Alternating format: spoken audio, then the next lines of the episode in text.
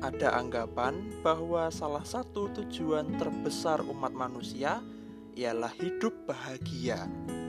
Hal ini diikuti anggapan bahwa ada banyak jalan kebahagiaan. Namun, sebagai orang percaya, membahas soal kebahagiaan, jangan sampai kita lupa akan khotbah di bukit yang diajarkan oleh Tuhan Yesus yang dimuat dalam Injil Matius.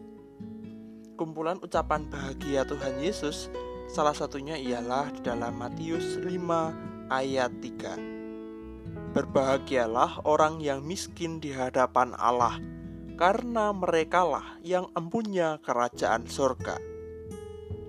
Ucapan satu kalimat singkat ini mengandung makna yang dalam tentang keberadaan manusia di hadapan Allah.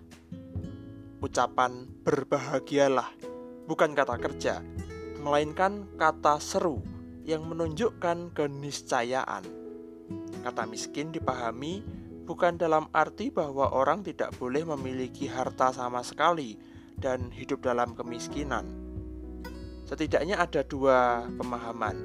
Yang pertama, miskin secara rohani yakni ketika orang merendahkan hati begitu rupa dalam imannya, sehingga hanya Allah saja yang dapat memenuhi kerinduan rohani manusia dan tidak ada yang lain. Kedua, miskin di sini adalah kondisi manusia ketika tidak ada sesuatu hal pun, baik itu orang, kekuatan alam, harta benda, materi, atau kekuasaan, atau hal yang lain yang dapat menolong dan menyelamatkan manusia.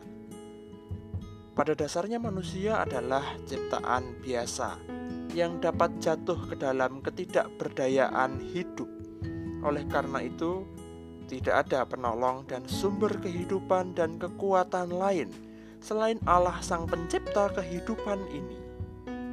Dalam kalimat tersebut, alasan berbahagia ialah merekalah yang mempunyai kerajaan surga kerajaan surga ialah kondisi ketika kehendak dan kedaulatan Allah dinyatakan atas ciptaannya. Dengan keadaan miskin itu tadi, manusia memberi diri secara sungguh untuk sepenuhnya mengantungkan diri kepada Allah dan bukan kepada barang fana di dunia yang sementara ini. Keberadaan kita bisa saja nampak baik-baik saja, namun di balik itu ada keadaan miskin rohani dan miskin daya kehidupan yang hanya dapat dipenuhi melalui penyerahan diri dan kepasrahan penuh kita kepada Allah Sang Pencipta.